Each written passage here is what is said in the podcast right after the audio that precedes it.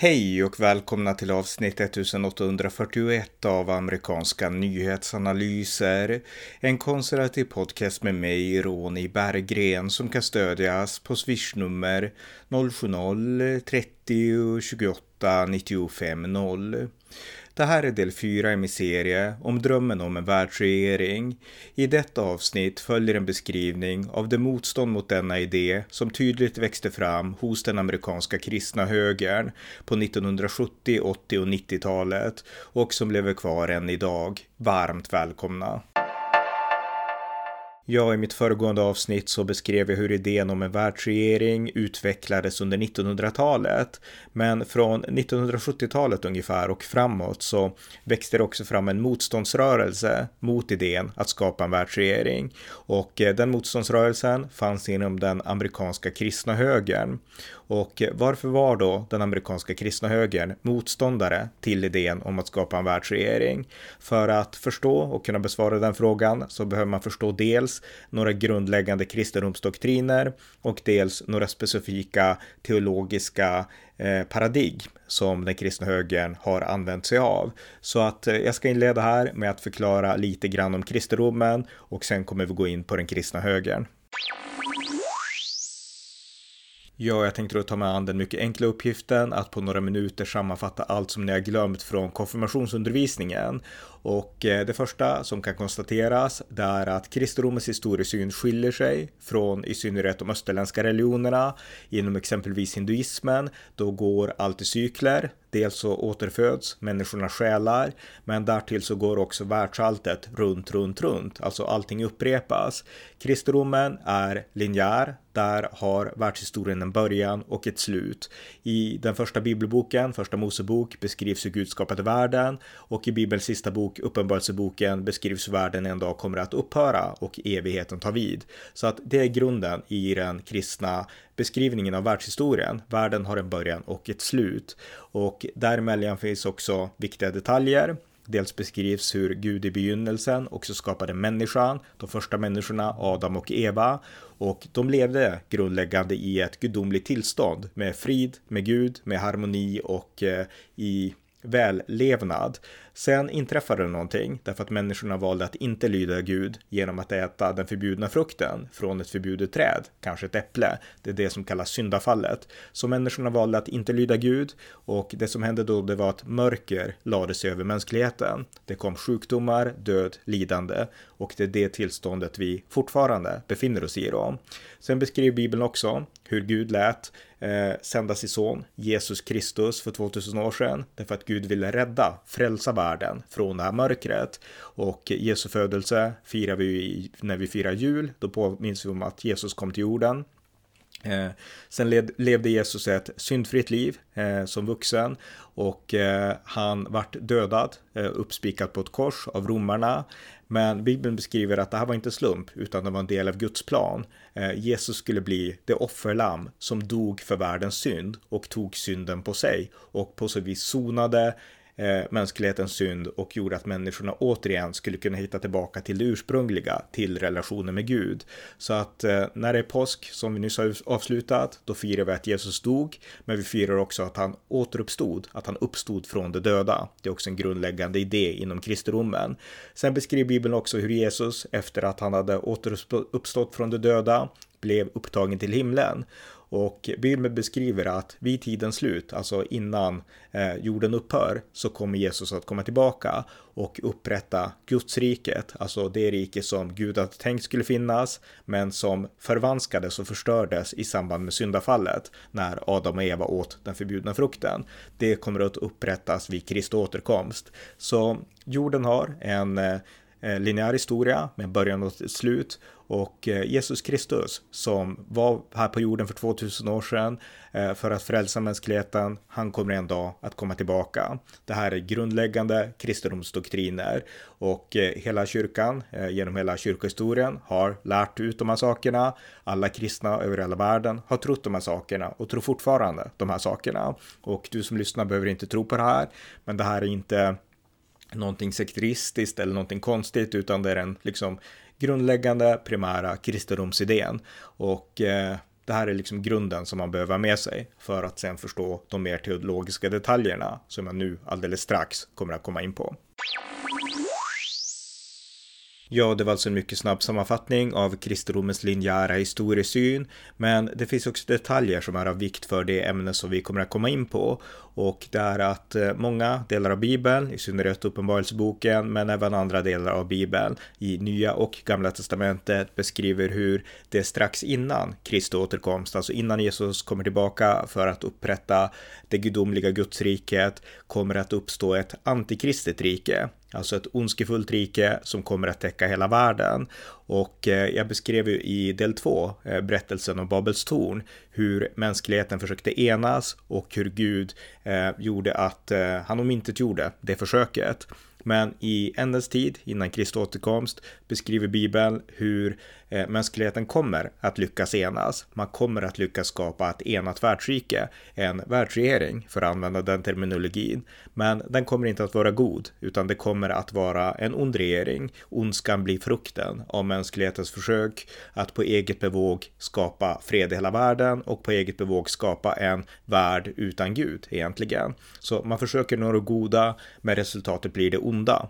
Och eh, Eh, Eh, I Uppenbarelseboken, den sista boken i Bibeln, kapitel 13, så beskrivs några detaljer som jag tror att de flesta känner till, åtminstone, eller om inte annat så från populärkulturen.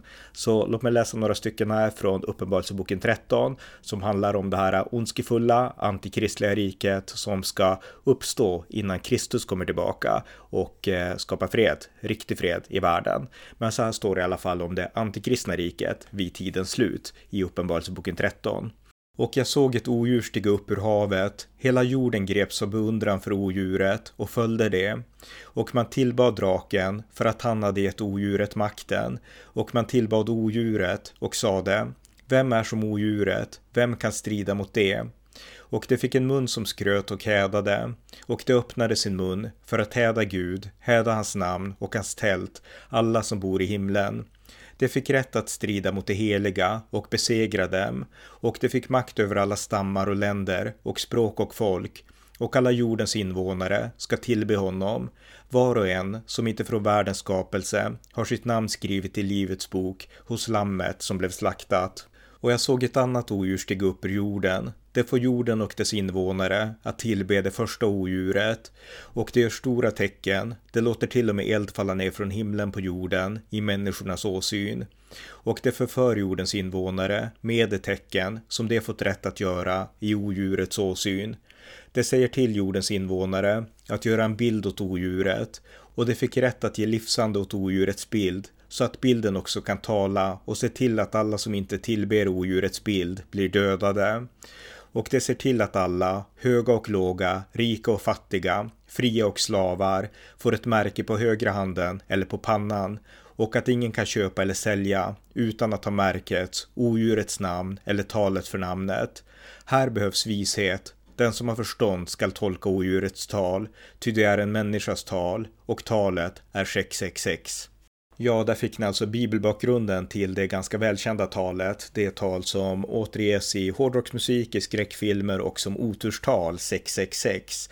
Men den kristna teologiska kontexten bakom det här talet, det är att det är i ändens tid, innan Kristus kommer tillbaka för att återupprätta sitt fredsrike, då kommer det att uppstå ett jordiskt världsrike, ett antikristligt världsrike, där mänskligheten lyckas med det man inte lyckades med när man försökte bygga Babels torn, man lyckas bygga en enad värld utan Gud. Och den drömmen kommer att fullbordas och den kommer att utnyttjas och kapas av djävulen för att göra ett sista uppror mot Gud. Sen beskriver Bibeln också hur Jesus kommer tillbaka och hur det här riket krossas, hur Antikrist bokstavligen kastas i helvetet och eh, Kristus tar tyglarna över jorden och återför jorden till det paradisiska tillstånd som var tänkt innan syndafallet, alltså innan Adam och Eva åt den förbjudna frukten. Det är kristen teologi.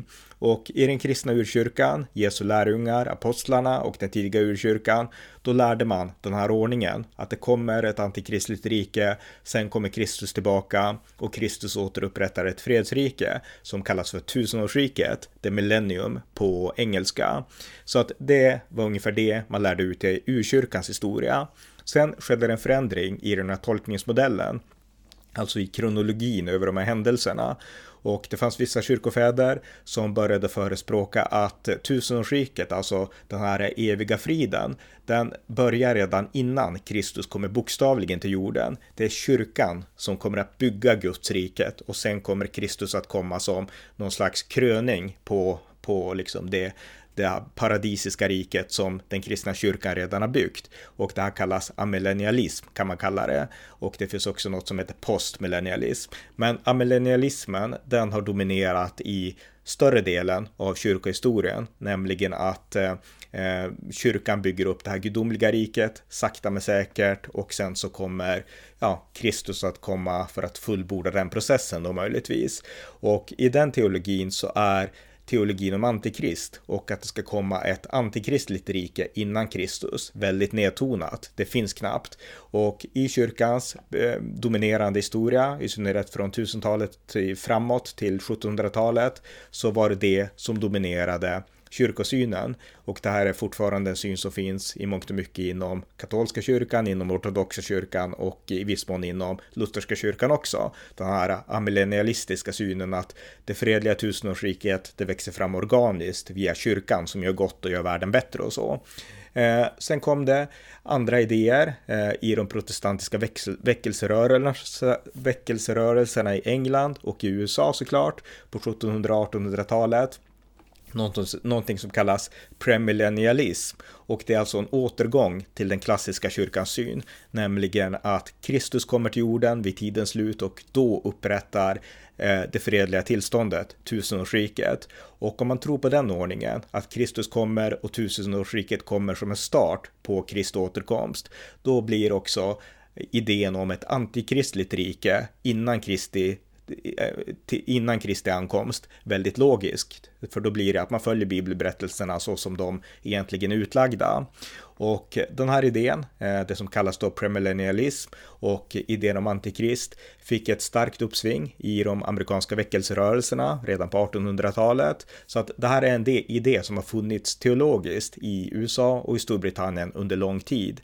Men på 70-talet, inte minst, eh, och eh, lite senare också, då kom också idén om att eh, det antikristliga, nu kan vi se tecken på att det här antikristliga växer fram. Alltså det var en betoning på teologin om att det kommer ett antikristligt rike innan Kristi återkomst. Och det fanns speciellt en kristen författare i USA som heter Hal Lindsey som skrev en bok som hette eh, Late Planet Earth, tror jag att den hette.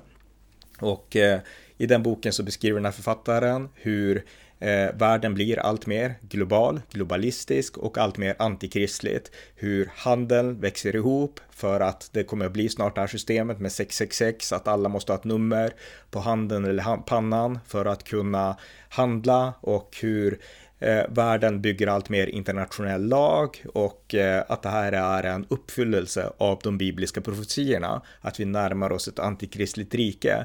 De idéerna började komma in bland kristna evangelikala på högersidan i USA, i synnerhet på 1970-talet.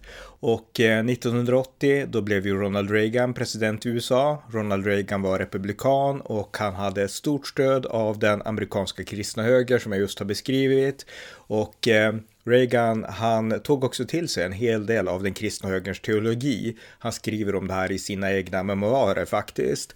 Och en sak som han tog till sig, det var just den här tanken på antikrist och den antikristliga världsordningen. Och eh, 1981, då var det ju så att USA hade börjat tackla problemen med illegal invandring från Mexiko och eh, Ronald Reagans justitieminister William Smith han föreslog då att man skulle skapa ett nationellt amerikanskt ID-kort för att kunna identifiera amerikanska medborgare.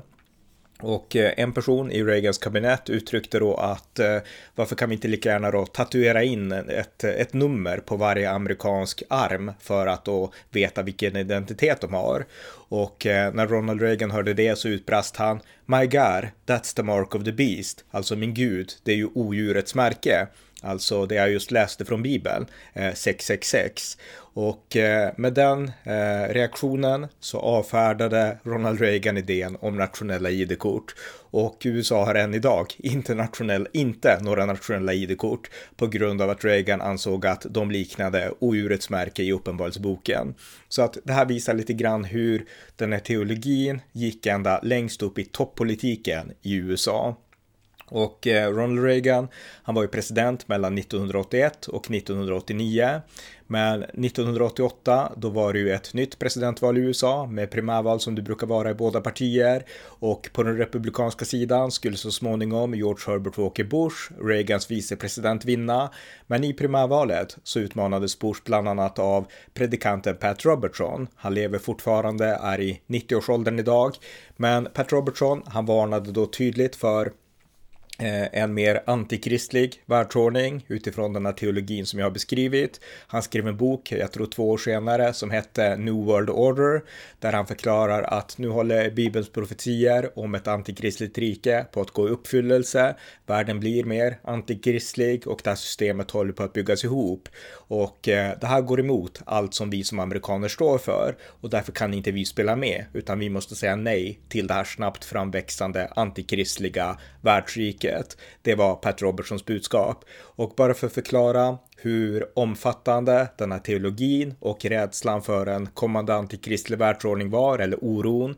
Eh, det bästa sättet att illustrera det för er i Sverige, det är att citera en annan politiker som ni känner till mycket mer väl, nämligen Al Gore, som var Bill Clintons vicepresident och som varnade tidigt för klimatförändringar och eh, 1992 så skrev ju Al Gore en bok eh, som heter på engelska Earth, Earth in Balance, Ecology and the Human Spirit. Den finns ju på svenska också, men jag vet inte vad den heter på svenska.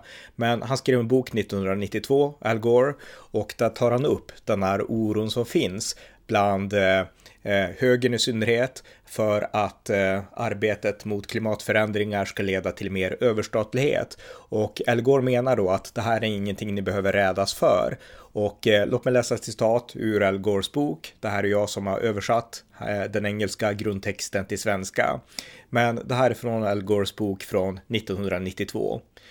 Bara att nämna en plan på att överväga världsvitt samarbete skapar ögonblicklig oro hos många, i synnerhet konservativa, som länge har jämställt sådana idéer med förespråkande av något överstatligt, en auktoritet som en världsregering. Förvisso, somliga som förespråkar en global kamp för klimatet då, eh, verkar ta för givet att en överstatlig auktoritet är oundviklig, men denna föreställning är både politiskt omöjlig och praktiskt ogenomförbar. Den politiska omöjligheten är uppenbar, Idén skapar så mycket motstånd att vidare debatt om saken stoppas, i synnerhet i USA, där vi är nitiska beskyddare av våra individuella friheter. Rädslan för att våra rättigheter ska sättas på spel av ens ett minimalt starkt globalt styre försäkrar att det helt enkelt inte kommer att ske. Så skrev Al Gore 1992 och eh, så här i efterhand så kan vi säga att Al Gore hade fel.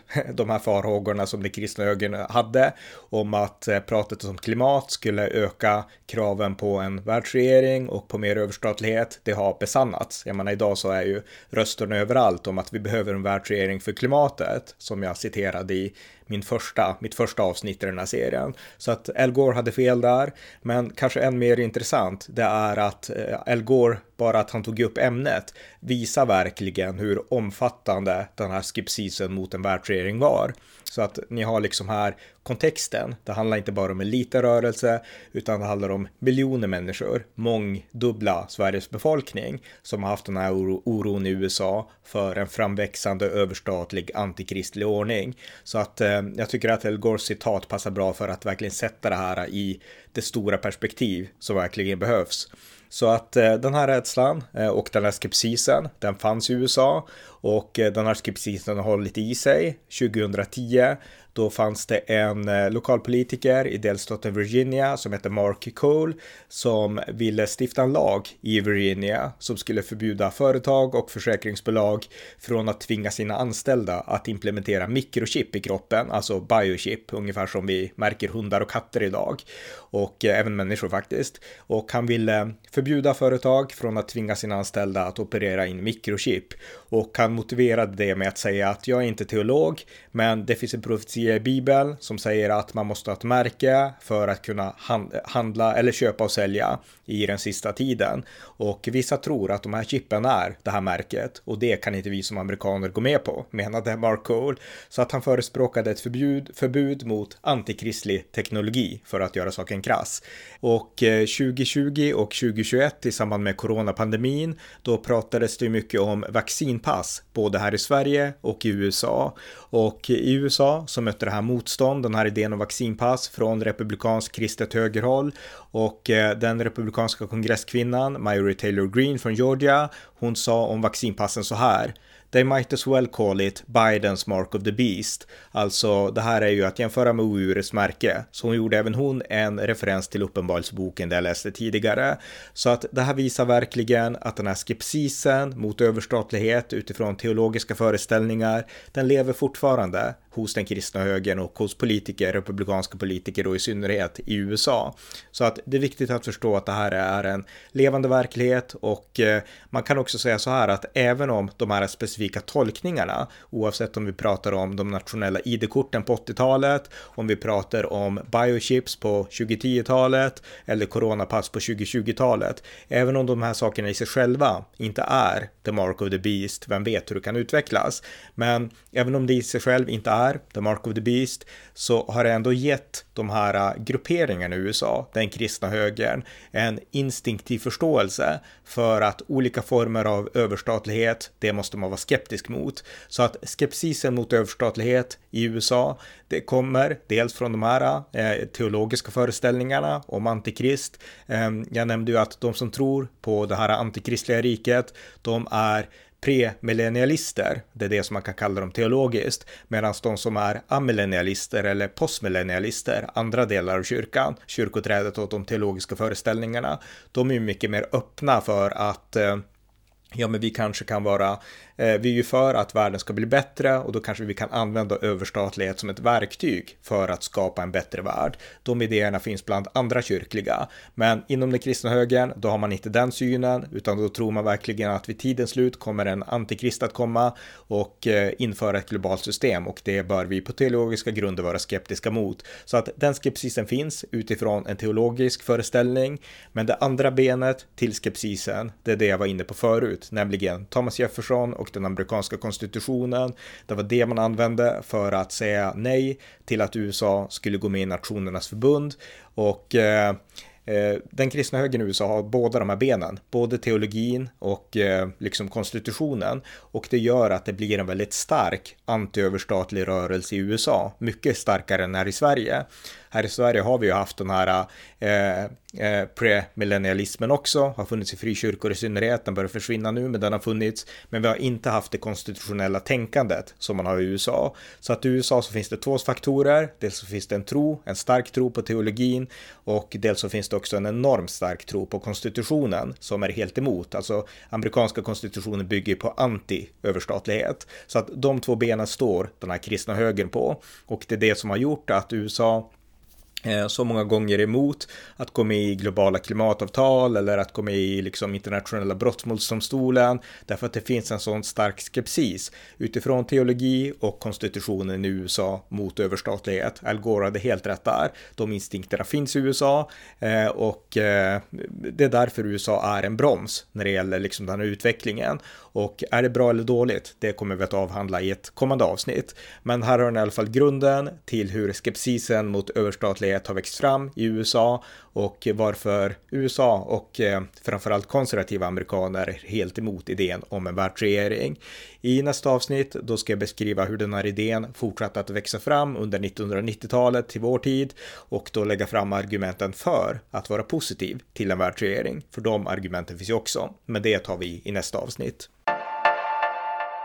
Tack för att ni har lyssnat på amerikanska nyhetsanalyser, en konservativ podcast som kan stödjas på swishnummer 070-30 28 95 0 eller via hemsidan på Paypal, Patreon eller bankkonto.